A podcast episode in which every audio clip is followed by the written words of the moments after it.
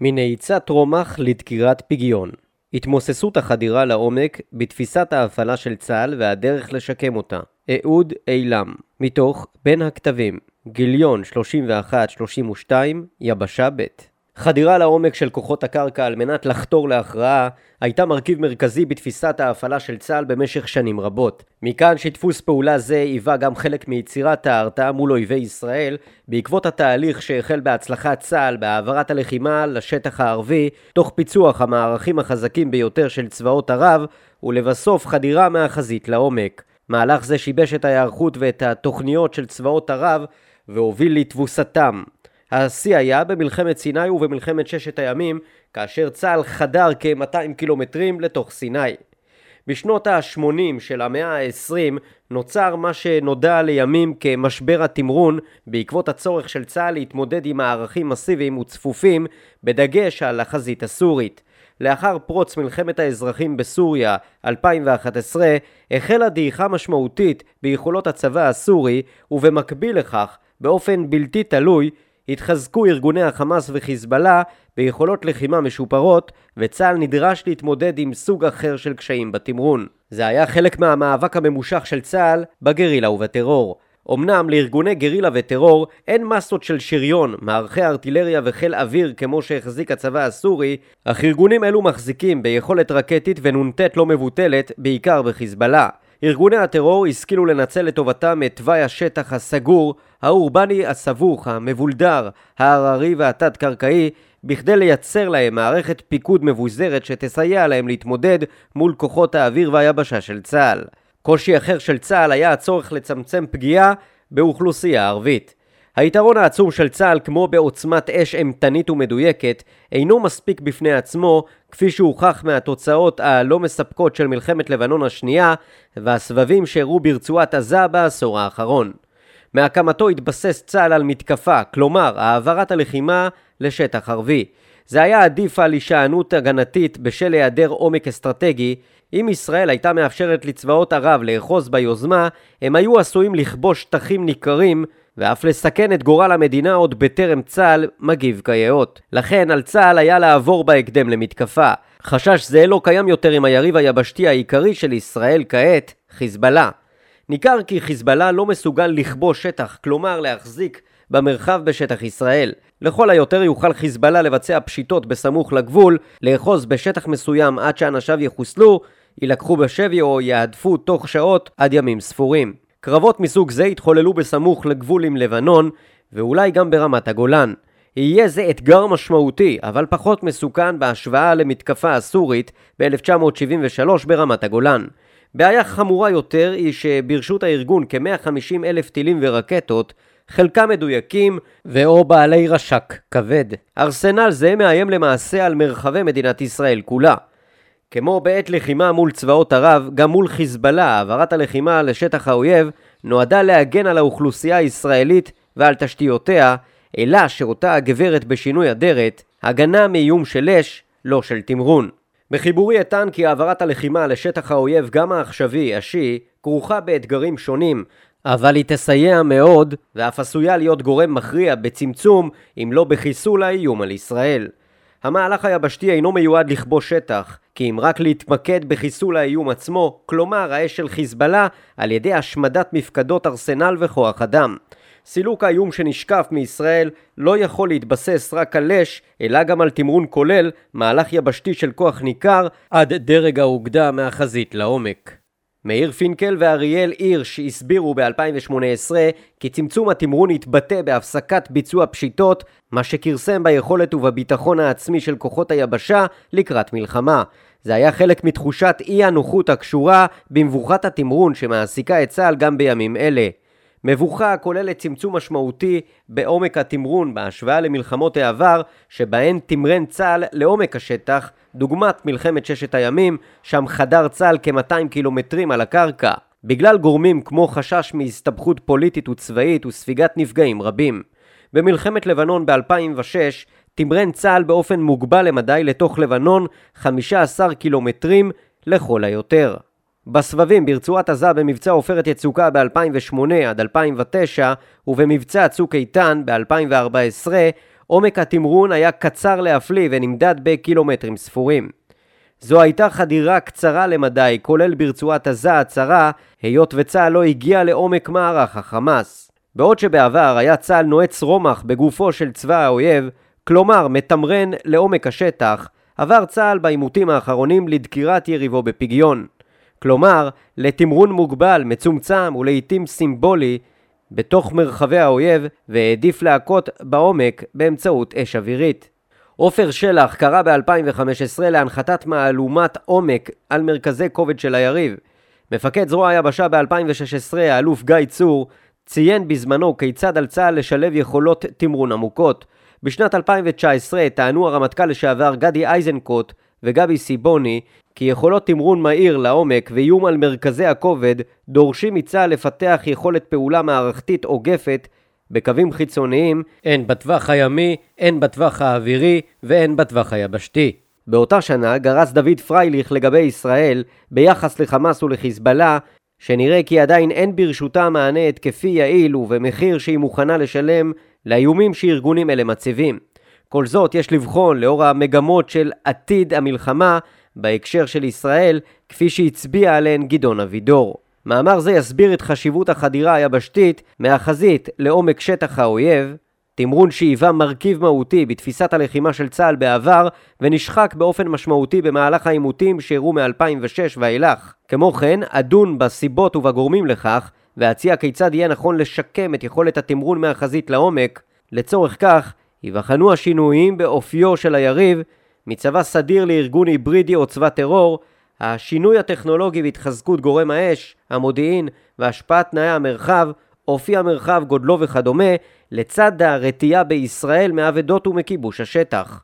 תור הזהב של החדירה לעומק במלחמת העצמאות חדר צה"ל עשרות קילומטרים לשטח עוין, בעיקר במבצעים הגדולים בגליל ובנגב. לדוגמה, במבצע חורב בדצמבר 1948 עד ינואר 1949 ובמבצע חירם בשלהי אוקטובר 1948.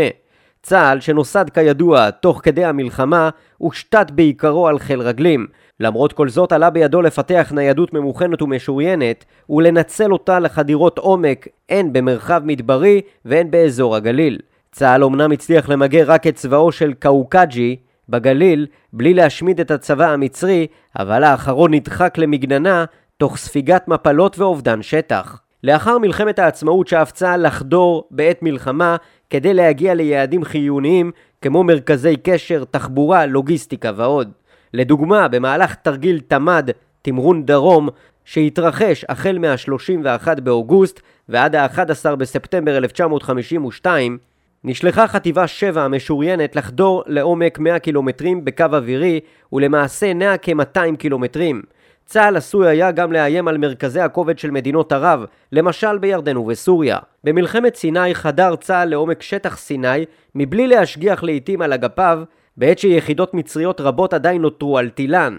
בכך כמובן היה טמון סיכון, אבל הצבא המצרי לא היה בשל לנצל זאת, ולמעשה הוא התמוטט במהרה. גם כאשר יחידות מצריות החזיקו מעמד, למשל באום כתף, הן נסוגו ממתחם זה תוך כמה שעות. נטישת עמדת מפתח זו, שחלשה על ציר מרכזי, הקלה על השעתה הישראלית לעומק סיני. בסך הכל התקדמו כוחות צה"ל מהגבול כמעט עד לתעלת סואץ, כ-200 קילומטרים. במסגרת זו נכבשו אתרים חשובים ויעדים אסטרטגיים כמו מיצרי טיראן, אך לא נוצר איום כלשהו על ליבה של מצרים. תמרון לעומק שטח האויב, תכנון ומגבלות. בשלהי שנות החמישים לפי מחלקת התכנון, טווח החדירה של צה"ל ביבשה לעומק מדינות ערב היה בין 150 ל-250 קילומטרים. השתלטות על אתרים שונים המצויים בעומק, למשל מפקדות, שדות תעופה ומרכזי אספקה, הייתה מסייעת לצה"ל בחתירה להכרעת צבאות ערב. בכך גם ניתן היה להשתלט על יעדים חשובים במישור האסטרטגי ואף במרחב תעלת סואץ. אך עדיין, השטחים החשובים ביותר של מצרים, ובוודאי של מדינות ערב שלא היו סמוכות לישראל כעיראק, היו מחוץ להישג ידם של כוחות הקרקע הישראלים, כמו ערי הבירה שלהן. הייתה זו עדות למגבלות של החדירה לעומק של צה"ל. עם זאת, גם אם צה"ל היה מגיע לקהיר, כיבוש של עיר ענקית זו, שלא לדבר על שליטה בה לאורך זמן, היה מטלה כבדה מדי בכמה מישורים. בספר תורת הקרב מ-1963 ניתן דגש על תמרון לעומק השטח. תוכנית האב של מפקדת גייסות השריון לשנים 1964 עד 1969 הדגישה את החדירה לעומק כאחת מהמטרות של השריון. בצה"ל הבינו כי חדירה לעומק תחשוף את אגפיו, מה שעלול להאט ואף לגדוע את כל המתקפה. אבל במלחמת ששת הימים, כמו במלחמת סיני, הכוחות המצריים בסיני התמוטטו לאחר שצה"ל התקדם רק עשרות קילומטרים מהגבול הישראלי. החדירה לעומק השלימה שוב את התבוסה המצרית, שהייתה אפילו טוטאלית יותר בהשוואה למלחמת סיני. עם זאת, שוב לא ניתן היה לאלץ את היריב הערבי לקבל את תנאיה של ישראל, ולו להכיר בקיומה. כך היה גם בחזית הירדנית והסורית, שם החדירה לעומק הייתה קצרה יותר, אך עדיין הושגה במהירות ובקלות יחסית, לאור יכולתו של צה"ל ומחדלי יריביו. מתור הזהב לתור הערד, דעיכת החדירה לעומק. לאחר מלחמת ששת הימים הוסיף צה"ל לבנות את כוחו לתמרון לעומק. במלחמת יום הכיפורים התקדם צה"ל כ-20 קילומטרים לעומק בחזית המצרית והסורית כאחד. זאב לקוויר מתח ביקורת על כך שצה"ל לא פנה לעבר קהיר. במקום זאת, התמרון של צה"ל כמו של אוגדת עוצבת הפלדה היה למעשה די במקביל לתעלת סואץ ולא לעומק מצרים. זה היה מהלך מוצלח שהוביל לחיתור הארמיה השלישית שהייתה צמודה לקו החזית. זה היה יעד הגיוני הרבה יותר, לאור הקשיים בהגה ובעיקר בכיבוש ובשליטה בקהיר, מה גם שהיה קיים חשש להתערבות צבאית סובייטית נגד ישראל. בחזית הסורית כיבוש דמשק לא היה יעד בר השגה בגלל סיבות דומות. במבצע קלחת 2 נגד ארגוני גרילה וטרור פלסטינאים בדרום לבנון, שהתקיים ב-12 עד ה-13 במאי 1970, השתרע מרחב הפעולה עד לעומק של 30 קילומטרים מצפון לגבול ישראל. במלחמת לבנון ב-1982 תמרן צה"ל כ-90 קילומטרים עד לביירות. צה"ל תכנן לחדור במהירות לעומק ולעקוף מוקדי התנגדות, שבהם יטפל לאחר מכן, תוך ניתוק כוחות אש"ף בדרום לבנון מהבסיסים שלהם באזורי ביירות ודמור. הפלסטינים, למרות מאמצים נואשים שנקטו, לא איימו באופן מהותי על האגפים ועל העורף של הכוחות הישראלים. היריב היחידי שהיה מסוגל אולי לבלום את צה"ל היה הצבא הסורי. החדירה לעומק של צה"ל בלבנון נועדה להוביל לנסיגתם של הכוחות הסוריים, אולי אף בלי קרב, אבל הם נלחמו ואף תוגברו, מה שלעיתים עיכב את צה"ל. כמו כן הכבידו תנאי השטח על צה"ל בגלל שטח הררי ומבוטר ו/או מרחב אורבני, בעיקר בעת שצה"ל התמודד עם לחימה עזה, כמו בצידון. אבל לא היה די בכך כדי לעצור את החדירה לעומק של כוחות היבשה, אם כי נדרש לצה"ל כשבוע כדי לגמוע כ-90 קילומטרים מקו הגבול של ישראל ועד לעיר הבירה ביירות. בשנות ה-90 התפתחה בצה"ל תפיסה שהעניקה עדיפות לגורם האש. צה"ל ערך שני מבצעים גדולים נגד חיזבאללה, מבצע דין וחשבון ב-1993 ומבצע ענבי זעם ב-1996 שנשענו על אש. על כך נמתחה ביקורת. התוכנית הרב-שנתית מרקם 2000 לשנים 1996 עד 2000 הדגישה את חיזוק האש האווירית והיבשתית. במלחמת לבנון השנייה ב-2006 בוצעו מרבית החדירות לעומק של קילומטרים ספורים. בשלב מסוים התקדמה אוגדת עוצבת הפלדה עד נחל הסלוקי כ-15 קילומטרים ממערב למטולה. זו הייתה החדירה הקרקעית העמוקה ביותר של צה"ל לשטח לבנון באותו עימות. ב-2006 הניחו בצה"ל כי חיזבאללה נשען על הגנה בקו הגבול, אבל למעשה היה לארגון מערך בעל עומק. מיטוטו דרש חדירה לעומק, אך עלה לא אירע בגלל סיבות שונות. בעת המערכה הקרקעית במבצע עופרת יצוקה, נעו טנקי חטיבת עוקבות הברזל 7 קילומטרים, ובתוך פחות מארבע שעות ביטרו את רצועת עזה לשניים. זו הייתה החדירה העמוקה ביותר של צה"ל בעת הסבבים ברצועת עזה בעשור האחרון, ומודל לעימות עתידי. עם זאת, הן במבצע עופרת יצוקה ב-2009 והן במבצע צוק איתן ב-2014, החדירה העיקרית לרצועת עזה הייתה לעומק של קילומטרים ספורים. מהלך מוגבל למדי גם ברצועת עזה, שהרוחב המרבי שלה הוא כ-12 קילומטרים. שיקום החדירה לעומק תיאור האתגר שמולנו הירידה הדרמטית בעומק החדירה היבשתית בעת המערכות השונות נגד חמאס או חיזבאללה בהשוואה למלחמת סיני ולמלחמת ששת הימים נבע מכמה סיבות. ראשית, ישראל נרתעה מכיבוש, ולו זמני, של מרחב ערבי בגלל החשש מהסתבכות הכרוכה באבדות, הן של ישראלים והן של אוכלוסייה ערבית, מה שהיה מוביל לביקורת, בעיקר בינלאומית, שמסבה נזק מדיני. שנית, שיפורים טכנולוגיים מרשימים בגורם האש, בעוצמה ובדיוק, בסייבר ובמודיעין, הצטיירו כתחליף עדיף, בוודאי כי באמצעותם ניתן היה לצמצם את הסיכון לחיילי צה"ל. למעשה החדירה לעומק על הקרקע הוחלפה בחדירה לעומק במרחב המודיעין, הסייבר ובהפצצות כמו בסוריה בשנים האחרונות. נוסף על כך, פיתוח יכולת חדירה לעומק לא נחוץ ביהודה ושומרון בגלל המרחב המצומצם שם, ובעיקר בהיעדר יריב שיכול לבלום התקדמות משוריינת של צה"ל. רצועת עזה היא צרה למדי, ולכן אין ממש צורך בחדירה לעומק כדי להגיע לכל אתר בה. גם בחזיתות כמו בלבנון ובסוריה, אין בהכרח נחיצות בחדירה לעומק בעת מלחמה. כמו כן, חדירה לעומק כרוכה בסיכונים ובהשקעה של משאבים הדרושים לאמן ולצייד כוח גדול דיו ולהעניק לו תמיכה, כולל תמיכה לוגיסטית בעומק שטח עוין. לאור כל זאת, למה יש בכלל צורך בפיתוח חדירה קרקעית לעומק? כלומר, מדוע שכוח קרקעי ישראלי יהיה מסוגל לגמוע במהירות מרחק של עשרות רבות של קילומטרים? תחילה משנים, מעדכנים את תפיסת הלחימה. באוקטובר 2019 ציין הרמטכ"ל רב אלוף אביב כוכבי כי בגזרה הצפונית והדרומית המצב מתוח ושברירי ועלול להידרדר לעימות חרף העובדה שאויבינו אינם מעוניינים במלחמה. ממשלת ישראל זקוקה שצה"ל יעניק לה כמה שיותר אלטרנטיבות מבצעיות, בוודאי כי לעיתים לא די בנקיטה בדפוסי הפעולה המוכרים והמועדפים כיום לצורך מהלומה בעומק שטח עוין, כלומר הישענות על סייבר ועל אש, בנסיבות שונות בגלל אילוצים ברמה הפוליטית ו/או הצבאית, יהיה כדאי לנקוט בחדירה יבשתית לעומק. עידו הכט ציין כי הכרעה מהירה מושגת רק באמצעות תמרון יבשתי, ולכן דווקא לנוכח האיומים המתהווים בימינו, המשלבים אש עוצמתית לעורף הישראלי ואיום בכיבוש או בפשיטות אויב במרחבים מיושבים ישראלים, נדרש צה"ל להעביר את המלחמה בהקדם לתוך שטח האויב כדי להכריעו שם במהירות. במסמך המסכם את אסטרטגיית צה"ל מ-2018 נקבע כי על צה"ל לחתור לבצע תמרון מהיר וקטלני ליעדים הנתפסים על ידי האויב כבעלי ערך. ברור כי כל עוד המטרה היא בסמוך לגבול, אין צורך בחדירה לעומק, אבל לצורכי הרתעה והכרעה, על צה"ל להעביר ליריביו כי הוא מסוגל להגיע בחדירה קרקעית לעומק גם למרחקים של עשרות קילומטרים מהגבול. יעדים שונים במישור הפוליטי ו/או הצבאי בעומק לבנון ואף בלב סוריה לא אמורים להיות מחוץ להישג ידם של כוחות היבשה.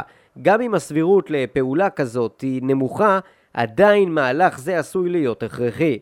למרות ביצורי חיזבאללה, אין ביכולתו לבלום ואף לעכב משמעותית פריצה של צה"ל, ומכאן גם חדירה לעומק. כמו כן, עם כל הקשיים של תנאי מרחב כמו בלבנון, כולל האזור האורבני, אין בכך כדי למנוע חדירה לעומק, כפי שהוכח ב-1982. כמובן שחדירה יבשתית לעומק מחייבת גם עליונות אווירית, על כל המשתמע מכך לגבי סיוע אוויר-קרקע, תמיכה ימית משמעותית ושילוב של איגוף אנכי מהאוויר ואולי גם מהים. במלחמת לבנון הראשונה ב-1982 ערך צה"ל בלבנון נחיתה אמפיבית גדולה למדי. כעת, אופציה זו לא קיימת למעשה ויש לשקול לשקמה, בעיקר לאור הפוטנציאל הטמון בנחיתה, לאור החוף הארוך של לבנון. למאמץ הצבאי תצטרף כמובן מעטפת פוליטית ודיפלומטית איתנה שתסביר את הצורך של ישראל בחדירה יבשתית לעומק. במסגרת זו תהיה צורך לגבש מראש אסטרטגיית יציאה ולקחת בחשבון גם את המצב הכלכלי הרעוע מאוד של לבנון שיוחמר עוד יותר בגלל המלחמה. על ישראל לפעול כמה שניתן כדי שיהיה מהלך לאחר המלחמה לשיקום יעיל של לבנון, בתמיכת הקהילה הבינלאומית, תוך בידוד מרבי של חיזבאללה מתהליך זה. הנוכחות הפיזית של כוח ישראלי חזק בעומק שטח עוין ממחישה את הנחישות ומבהירה את היכולת הישראלית להלום הרחק מגבול המדינה. למשל בלבנון, חדירה לעומק מדגישה כיצד צה"ל יכול להכות בלב אותה מדינה בלי שחיזבאללה יוכל לעצור אותו. זוהי מהלומה רצינית לתדמיתו וליוקרתו של חיזבאללה, שטוען כי עליו להחזיק בנשק כדי להגן על לבנון, אבל לא יהיה מסוגל לעשות זאת. חדירה לעומק תהיה אפוא מהלומה על מרכז כובד תודעתי של הממשלה, של הציבור ושל דעת הקהל בלבנון. חיזבאללה נוקט בפריסה מבוזרת, אך עדיין נותר עם מרכזי כובד. אתרים החשובים יותר מאחרים, למשל מפקדות, נקודות ריכוז, רקטות, בעיקר ארוכות טווח או מדויקות וכדומה. חדירה לעומק תאפשר להגיע ולהשמיד את אותם אתרים, דבר שיבהיר כי צה"ל מסוגל להשמיד את המעוזים החיוניים ביותר של חיזבאללה. תהיה זו מהלומה משולבת, פיזית ופסיכולוגית, נגד חיזבאללה.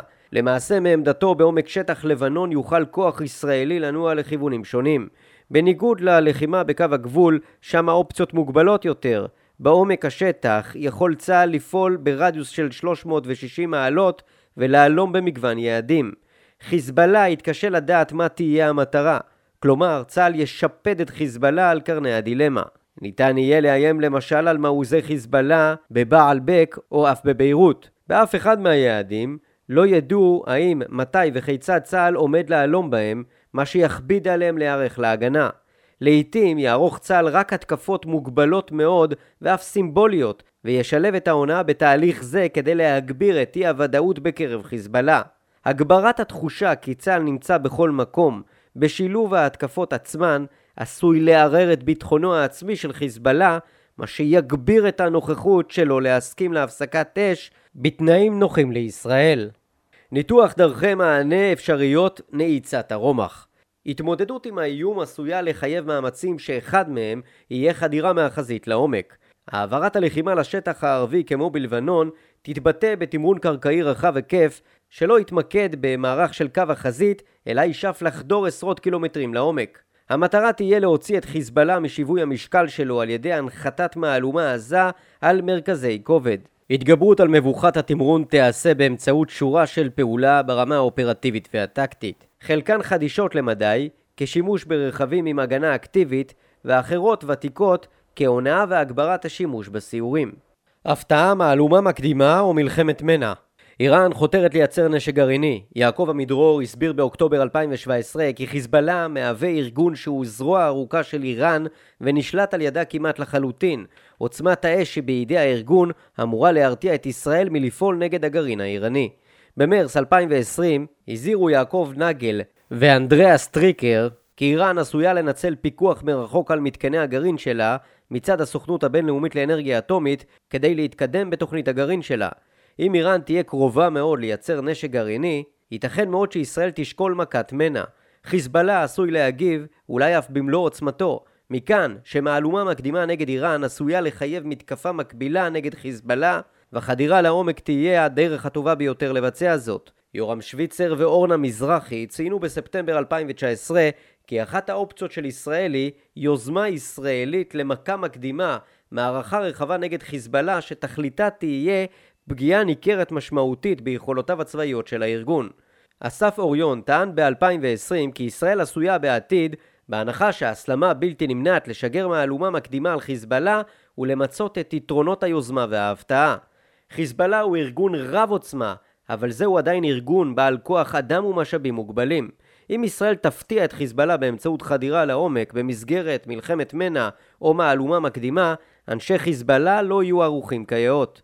גם אם יהיה להם זמן לכך, עדיין חיזבאללה יצטרך להחליט היכן לפרוס את מיטב כוחותיו. לאור ניסיון העבר, גם של סבבים ברצועת עזה, חיזבאללה עשוי להעריך כי צה"ל לא יחדור לעומק, ולכן יש להתמקד בקרבת הגבול. מעבר לכך, חיזבאללה עשוי לפרוס את כוחותיו המובחרים בסמוך לגבול כדי לחדור לישראל, ולא בעומק לבנון, במסגרת כיבוש הגליל. לכן, בחלק מהאתרים בעומק לבנון, כוח חיזבאללה עשוי להיות קטן, חלש או חסר יוזמה מספקת, ומכאן שיהיה קל להביסו.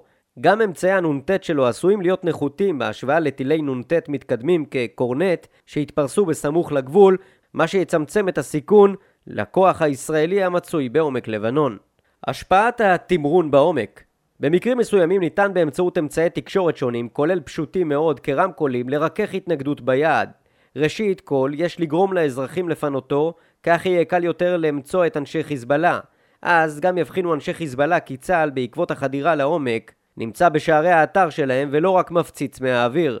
בנסיבות אלו ייתכן וחלק מאנשי חיזבאללה, מאחר שלא כולם חיילי עילית, יעדיפו לסגת ואף להיכנע, מה שיסייע ללכוד את היעד ולהשמיד את הארסנל שבו.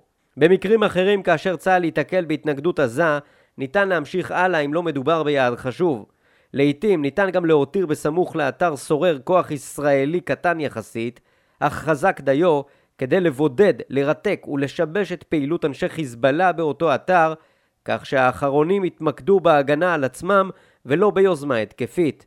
כמו כן, לאחר כיבוש מתחם מסוים, תוך השמדת הכוח העוין והארסנל שהיה שם, לא תהיה חובה להשאיר בו כוח ישראלי.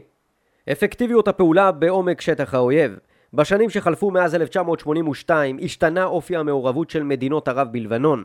צבא סוריה אמנם כבר אינו נוכח במדינה, וקיימים סימני שאלה לגבי יכולתו להגביל את מרחב הפעולה של צה"ל במדינה, לרבות באמצעות הפעלת אמצעי ל"א והגנה אווירית. מעבר לכך, גם לא נשקפת סכנה של התערבות של מדינות ערב אחרות. להפך, רבות מהן, כמדינות סוניות, יהיו מרוצות מכך שישראל עולמת בחיזבאללה השיעי, ומכאן גם ביריבה הגדולה שלהן, איראן. כמו כן, בניגוד ל-1982, החדירה לעומק של צה"ל לא תהיה כרוכה בחבירה לגורם מקומי בלבנון. עם זאת, אין לשלול שיתוף פעולה בלתי רשמי, כולל במישור הצבאי, עם גורמים בלבנון שמתנגדים לחיזבאללה, למשל קבלת מידע על עמדות החיזבאללה. ישראל לא תפעל בכל הנוגע לשינוי משטר בלבנון, גם אם תהיה משמעות פוליטית לחדירה לעומק. להנחית מהלומה על מעמדו של חיזבאללה, כולל הפוליטי. ישראל כמו בסבבים קודמים תימנע מכיבוש שטח. ישראל לא תחדש את פריסתה בלבנון, דבר שיחשוף את חיילי צה"ל לתקיפות תוך חזרה למאבק אמיתי שהתרחש שם בשנות התשעים. לכן ישראל יכולה להצהיר תוך כדי המלחמה כי החדירה לעומק לא נועדה לכבוש שטח. זה יהיה נכון כדי להקטין את הביקורת שתימתח על ישראל. בנסיבות אלו חיזבאללה יבין כי עליו רק להחזיק מעמד באתרים שלו עד לנסיגה הישראלית, תוך השמת דגש על ההישרדות שלהם ולא פעילות התקפית שתחשוף אותם לפגיעה. כלומר, חדירה זמנית לעומק תצמצם את מהלכי חיזבאללה. התמרון של צה"ל עשוי לחייב את חיזבאללה לחשוף את עצמו, קרי לחייבו לתמרן, ולו ברמה הטקטית. כמו כן לצה"ל תהיה עליונות אווירית מוחלטת, שתאפשר לאסוף מודיעין גם אם כמה כטב"מים ואף מטוסים יופלו על ידי חיזבאללה. תצפיות ימיות וקרקעיות שונות של צה"ל יסייעו גם הן בליקוט מידע. הכוח שיתמרן לעומק יאסוף בעצמו מודיעין עדכני, למשל באמצעות ציורים ברכב ולעיתים גם ברגל, שינועו לפני יתר הכוח, מרכיב ותיק שחייב להיות חלק מהפעילות המבצעית. צוותי הממסר להעברת תשדורות גם יהיו מרכיב חיוני. כמו כן, עם כל המאמץ של חיזבאללה להיעלם, הרי שאנשיו ירוכזו באתרים ידועים מראש. חלקם יהיו בעיירות ובכפרים, היכן שמצויות הרקטות, כדי להגן עליהן. מכאן שהמרחב שבו יהיה צורך לחפש את היריב יהיה מצומצם למדי. יהיה קושי רב יותר במיוחד בשטח מבוטר ומיוער של לבנון לגלות את אנשי חיזבאללה שהתפרסו מחוץ לעיירות ולכפרים כדי לעכב התקדמות צה"ל באמצעות ירי ומיקוש לסוגיו. אך גם במרחב זה יש נקודות חולשות שבהן חיזבאללה צפוי להיות ושם על צה"ל לרכז את המאמץ שלו לפגוע באנשי חיזבאללה בטרם יפתחו באש. במידה ואנשי חיזבאללה יפתחו ראשונים באש, על צה"ל לנצל את הניסיון שרכש בסגירת מעגלי אש כדי לשתק מיידית את מקור הירי. צה"ל במסגרת חדירה לעומק יכול לנסות לפתות את חיזבאללה לפתוח באש בנסיבות נוחות יחסית לכוח הישראלי.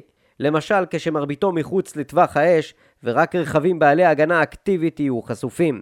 הדרך היעילה ביותר תהיה לדחוק בחיזבאללה לפתוח באש באמצעות הונאה לסוגיה, דמעים, רכבים לא מאוישים וכדומה, כלומר, בלי לסכן אף רכב ישראלי מאויש.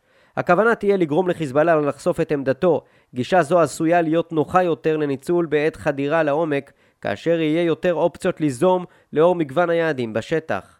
חיזבאללה בעקבות הלחימה בסוריה שדרג עצמו מארגון גרילה וטרור לסוג של צבא היברידי. למעשה באופן אירוני שדרוג זה מקל על צה"ל למול אחד האתגרים הגדולים שלו במאבקו בארגון, חשיפת אנשי חיזבאללה כדי להלום בהם. מכאן שככל שחיזבאללה יתגבש וינהג כצבא לכל דבר, הפועל באופן מסיבי וגלוי, יסייע דבר זה לאפקטיביות של צה"ל. עצם החדירה לעומק לבנון עשויה לעזור בנידון. המבנה ההיברידי של חיזבאללה אמור להעניק לו יכולת להכות כמו צבא קונבנציונלי, ובמקביל ליהנות גם מהיתרונות של מסגרת גרילה וטרור, למשל להסתתר, לראות ולהסתער בהפתעה ממערב ועוד. אבל חדירה לעומק של צה"ל עשויה לשבש את התוכניות ואת המהלכים של ארגון היברידי כחיזבאללה. באופן אירוני, דווקא חוסר הנכונות של ישראל בעבר לבצע חדירה לעומק עשוי לשרת אותה בעתיד, בעת ביצוע חדירה לעומק, תוך חיזוק אלמנט ההפתעה. ניידות התמרון כמענה למערכי ההגנה של האויב. ניידות הכוח של צה"ל שיחדור לעומק תסייע להגן עליו. חיזבאללה באמצעות אמצעי המודיעין שלו, כולל באוויר וסיוע מאוכלוסייה אוהדת, ינסה לגלות היכן בדיוק נמצא הכוח הישראלי. אך גם אם יגלה זאת, המידע יהיה רלוונטי לאותו זמן בלבד. הכוח הישראלי יוכל לנוע מיד ולדלג לנקודה אחרת. לכן, על חיזבאללה לתקוף מיד כאשר יחשוף את כוח צה"ל. גם אז, עד כמה תהיה התקיפה של חיזבאללה אפקטיבית? לחיזבאללה יש אומנם מל"טים שחלקם עשויים להטיל פצצות, אבל אין זה איום משמעותי מהאוויר. לחיזבאללה יש כמה עשרות רכבים משוריינים, כולל טנקים, אבל אין זה כוח מתמרן מהותי. אין לחיזבאללה כוח ממוכן ומשוריין המסוגל לבצע התקפות נגד משמעותיות. חיזבאללה וחמאס לצורך זה נשענים על חיל רגלים הצועד רגלית, כלומר הניידות שלהם מוגבלת והם יהיו חשופים לעוצמת האש הישראלית. לעתים לצה"ל יהיה עדיף לדחוק ביריבו לתקוף כדי להביסו ולהסב לו אבדות כבדות. יתר על כן הנשק האסטרטגי של חיזבאללה, רקטות וטילים, כולל אלו המדויקים, מיועד ויעיל יותר בירי על אתר נייח מאשר בירי על כוח נייד הנע בשטח והמצוי בנקודה מסוימת רק לזמן קצר. גם הנשק הטקטי של חיזבאללה, מרגמות וטילי נ"ט, יתקשה הרבה יותר לתמרן במרחב בהשוואה לטנק בהיעדר ניידות ומיגון. כמו כן, הניידות של צה"ל והקושי של חיזבאללה בתחום זה יקלו על צה"ל להעביר תגבורות, אספקה וכדומה, וגם לבצע בכל עת נסיגה, חלקית או מלאה, מהירה ובטוחה יחסית, כולל בחזרה לישראל, מתי שזאת תידרש. כשירות הלוחמים, צורת הקרב והמשאבים הדרושים לתמרון בעומק השטח. מ-2010 פרוסות רוב הרקטות של חיזבאללה מצפון לנהר הליטני, מה שעשוי לחייב התקדמות לשם בעימות עתידי. באמצע יוני 2015 אמר אלוף מנשה נדב לוטן, מפקד חטיבת עוצבת סער מגולן, כי הוא מכשיר את אנשיו לתמרון עמוק בלבנון. בספטמבר 2017, בתרגיל רחב היקף, אור הדגן, נבחנה אוגדת מילואים של פיקוד הצפון בחדירה לעומק של 30 קילומטרים, היה בכך כדי להצביע על המגמה בצה"ל, אם כי ייתכן ויש צורך לחדור אף יותר לעומק. מלחמה עם חיזבאללה עשויה להתחולל בעת שיהיה עימות עם הפלסטינים ביהודה ושומרון או ברצועת עזה. גם בתרחיש הגרוע ביותר, כלומר שלחימה בכמה חזיתות, חיזבאללה יהיה היריב החזק ביותר, לכן מרבית היחידות הטובות ביותר של צה"ל, כחטיבות עילית של השריון וחיל הרגלים, צריכות להיות מוקצות ללבנון, כולל לחדירה לעומק שם. הכוח הישראלי שיחדור לעומק יהיה תמיל של שריון, חיל רגלים, הנדסה ועוד. חייליו יצוידו ברכבים הממוגנים ביותר, כלומר מרכבה סימן 4 ורכבי נמר, במיוחד כי הם יישענו על תנועה ולא על ביצורים. בעת תרגיל ב-2020 הקים גדוד ההנדסה של חטיבת עוצבת עקבות הברזל מגנני ענק באמצעות דחפורי D9 כדי לספק מרחב הגנה מוגן, למשל מצלפים ומטילי נ"ט. גישה זו ננקטה גם בעבר, בעתיד בעת חדירה למרחב עוין ושהות באתר מסוים ליותר מכמה שעות, יהיה על הכוח הישראלי להקים ביצורי שדה מאולתרים, כולל מחפורות, שוחות וכדומה. ניתן יהיה גם לשהות במבנים, אבל אולי עדיף להסתמך על שהות בשטח, במיוחד במרחב מבוטר וסילי המציע הגנה טבעית, בוודאי אם הוא מוסתר בגלל ייעור ובצמחייה סבוכה. הכשרת הפיקוד, למשל לפיקוד משימתי, היא בעלת משקל רב, כפי שהצביעו על כך חנן שוורץ ואיתן שמיר. מערכות הפיקוד הבקרה והשליטה המתקדמות של צה"ל יעזרו הן לעקוב והן לבצע חדירה לעומק. במקרים מסוימים עשוי חיזבאללה בסיוע האיראני לשבש את הפעילות שלהן ולכן יש להיזהר לא להישען עליהן יותר מדי. כמו כן, הכוח הישראלי שיישלח לעומק צריך להתאמן על כך מראש. לאור צורכי ביטחון שוטף והאפשרות של לחימה בחזיתות אחרות, זה כמובן אילוץ רציני להכין כוח גדול, בוודאי בהיקף אוגדתי, אך ורק למשימה זו בגזרה ספציפית. עם זאת, יש להשקיע במהלך של חדירה לעומק מאמץ מיוחד, הן לאור הקשיים שלו והן לאור הפוטנציאל הטמון בו להשפיע, ואולי אף להכריע את גורל המלחמה. יש לחדד את היתרונות של צה"ל למשל בטכנולוגיה, בסייבר ובאמצעי ראיית לילה, בעקבות הניסיון שנצבר בתחום. לאור זאת ייתכן כי הכוח הישראלי יפעל בעומק בעיקר בחשיכה, בעוד היום ינוצל למנוחה, להתארגנות וכדומה. על הכוח הישראלי גם ללמוד היטב את השטח, את האוכלוסייה וכדומה. יש לכלול בכוח חיילי קבע ומילואים ותיקים ששהו במרחב הלבנוני בעת הפריסה שם בשנות התשעים וגם לשקול לצרף אליו כמה אנשי צד"ל לשעבר לאור היכרותם עם המרחב הלבנוני בלי לשלבם בלחימה עצמה. לכוח הסדיר של צה"ל יש ניסיון צבאי יחסית מועט בעימות נרחב, היות והעימות האחרון מסוג זה היה ב-2014 בצוק איתן. חיזבאללה רכש ניסיון בלחימה בסוריה, אבל מול מורדים שרבים מהם היו דלי חימוש ומיגון וחסרי הכשרה צבאית הולמת אם בכלל. לרוב עמד לרשות אותם מורדים רק נשק קל, מרגמות וטילי נ"ט, ולכל היותר כמה תותחים וטנקים. בהשוואה להם ברור כי צה"ל הרבה יותר מאומן, חמוש, מצויד וממוגן. כמו כן בסוריה נהנה חיזבאללה מעליונות אווירית מוחלטת ומסיוע אווירי כהפצצות ממטוסים של סוריה ושל רוסיה שעלמו במורדים. לעומת זאת מול צה"ל חיזבאללה יהיה באותה עמדת נחיתות כמו המורדים בסוריה. כלומר, לחיזבאללה לא יהיו מטוסים להגן על כוחותיו ולא כדי להפציץ את היריב. בסך הכל, חיילי צה"ל יצטרכו להסתגל במהירות על סמך ההכשרה שלהם למעבר מהתמודדות שוחקת עם אתגרי יום-יום של ביטחון שוטף למלחמה עם ארגון כחיזבאללה. חיזבאללה יצטרך להסתגל מלחימה מול מורדים להתנגשות עם צה"ל. כלומר, הן צה"ל והן חיזבאללה צריכים להיות מוכנים להילחם נגד יריב חזק יותר בהשוואה לזה שעימו הם התמודדו בשנים האחרונות. הצד שישכיל להסתגל באופן יעיל ומהיר יותר, ייהנה מיתרון חשוב. ככל שהחדירה תהיה עמוקה יותר, יהיה זה בעייתי יותר להעביר אספקה תוך אבטחת קווי התחבורה. העברה שוטפת של אספקה באמצעות רכבים בודדים עשויה להיות מסוכנת מדי. יהיה צורך לארגן שיגור שיירות עם דלק, תחמושת וכדומה, אולי אף תוך שימוש ברכבים ממוגנים יותר ממשאיות, כמו נגמשים. בכל אופן השיירות יזכו לליווי חזק בקרקע ובאוויר. לעתים לא יהיה מנוס מהסתמכות על תובלה בהיטס. יש גם לשפר את משלוח האספקה מהים לאור החוף הארוך של לבנון.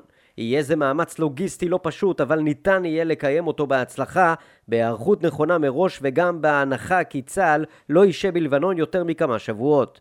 יהיה זה תלוי גם בגודל הכוח שיישלח לעומק, ניתן יהיה גם לצמצם את צריכת האספקה, למשל להשתמש בכוח קרקעי כדי לכוון אש אווירית, במקום שיבזבז את התחמושת שלו. הלקוח הישראלי להיות גם מיומן בחיסכון בתחמושת ובניצול אספקה צבאית ואזרחית שימצא בשטח, כמים, מזון ואף דלק, נשק ותחמושת של היריב. הכנת כוח גדול לחדירה לעומק כרוכה בהקצאת משאבים רבים. החלטה לא פשוטה בוודאי בתקופה של אילוצים תקציביים לאור ההשלכות הכלכליות של משבר וירוס הקורונה שעלולות להיות קודרות למדי, אבל חדירה מוצלחת לעומק עשויה להוביל לסיום מהיר יותר של המלחמה על כל המשתמע מכך. במישור הכלכלי והכספי, לגבי ימי לחימה, החזרת המשק לשגרה וכדומה. כמו כן, הכוח שיחדור לעומק יתבסס על יחידות, על מערכות נשק קיימות ועל טכנולוגיה נגישה. כמובן שעדיף להוסיף לכוח זה טכנולוגיה חדישה למשל, באיתור מטרות, אבל ניתן יהיה להסתדר גם עם הטכנולוגיה הקיימת. כלומר, מבחינת חדירה לעומק לא יהיה זה תנאי מחייב להמתין ולהשקיע כספים רבים כדי להטמיע טכנולוגיה מסוימת. יתר על כן, המשך פיתוח של חשיבה צבאית, למשל, תחכום אופרטיבי וטקטי, במסגרת צה"ל וגם בסיוע של מוסדות אזרחיים כמכוני מחקר בישראל, עשוי להיות לא אחת תחליף הולם לטכנולוגיה, שיהיה גם זול בהרבה. התמודדות עם אבדות ונפילה בשבי בשדה הקרב. הלל פריש העריך שתהיה ירידה בשיעור הילודה בקהילה השיעית בלבנון, מה שיצמצם את כוח האדם העומד לרשות חיזבאללה. לפי פריש, חיסרון זה מדגיש את הצורך לפגוע באנשי הארגון אף יותר מאשר ברקטות. הקהילה השיעית בלבנון מונה בין מיליון לשני מיליון איש, והיא כבר איבדה למעלה מאלפיים איש במלחמה בסוריה. חיזבאללה התקשה לספוג שוב אבדות כבדות בעת מלחמה נגד ישראל. אם צה"ל תוך ניצול חדירה לעומק יקטול רבים מאנשי חיזבאללה, זה לא יוביל בהכרח לקריסת הארגון, אבל ישפיע על קבלת החלטותיו ועל נכונותו להמשיך להילחם. במלחמת לבנון השנייה חשש מאבדות עיכב תמרון ישראלי לעומק לבנון. במבצע עופרת יצוקה בדצמבר 2008, ינואר 2009, היו לצה"ל עשרה הרוגים. במבצע צוק איתן ביולי-אוגוסט 2014 נהרגו 67 חיילים. חדירה לעומק היא מהלך נועז שעשוי לגבות מחיר גבוה אם כי בהשוואה לאלטרנטיבות הוא עשוי לחסוך באבדות אם המלחמה תתקצר והיריב יספוג מפלה ברורה שתרתיע אותו וגם אחרים מלהתגרות בישראל. סוגיה טעונה נוספת היא נפילה בשבי. ייתכן ואפשר לשקול צעדים כמו להצמיד לחיילים שבב איתור שיסייע למצוא ולחלץ אותם אם ייתפסו. צעד זה יהיה נחוץ בעיקר לכוחות שיהיו בסיכון גבוה כמו בעת חדירה לעומק. לסיכום, גם בלי להישאר בשטח זמן רב, די בנוכחות זמנית של כוח ישראלי חזק שיחדור לעומק השטח כדי להנחית מהלומה כבדה על האויב. כוח כזה שיפעל בעומק השטח עשוי להשיג מספר מטרות במישור הטקטי, שבהצטברותן יחד ייווצר הישג מערכתי ואולי אף אסטרטגי. חיזוק והגברת היכולת לחדירה לעומק אינה בגדר החזרת עטרה ליושנה משיקולי נוסטלגיה למהלכיו המסחררים של צה"ל במלחמות עבר.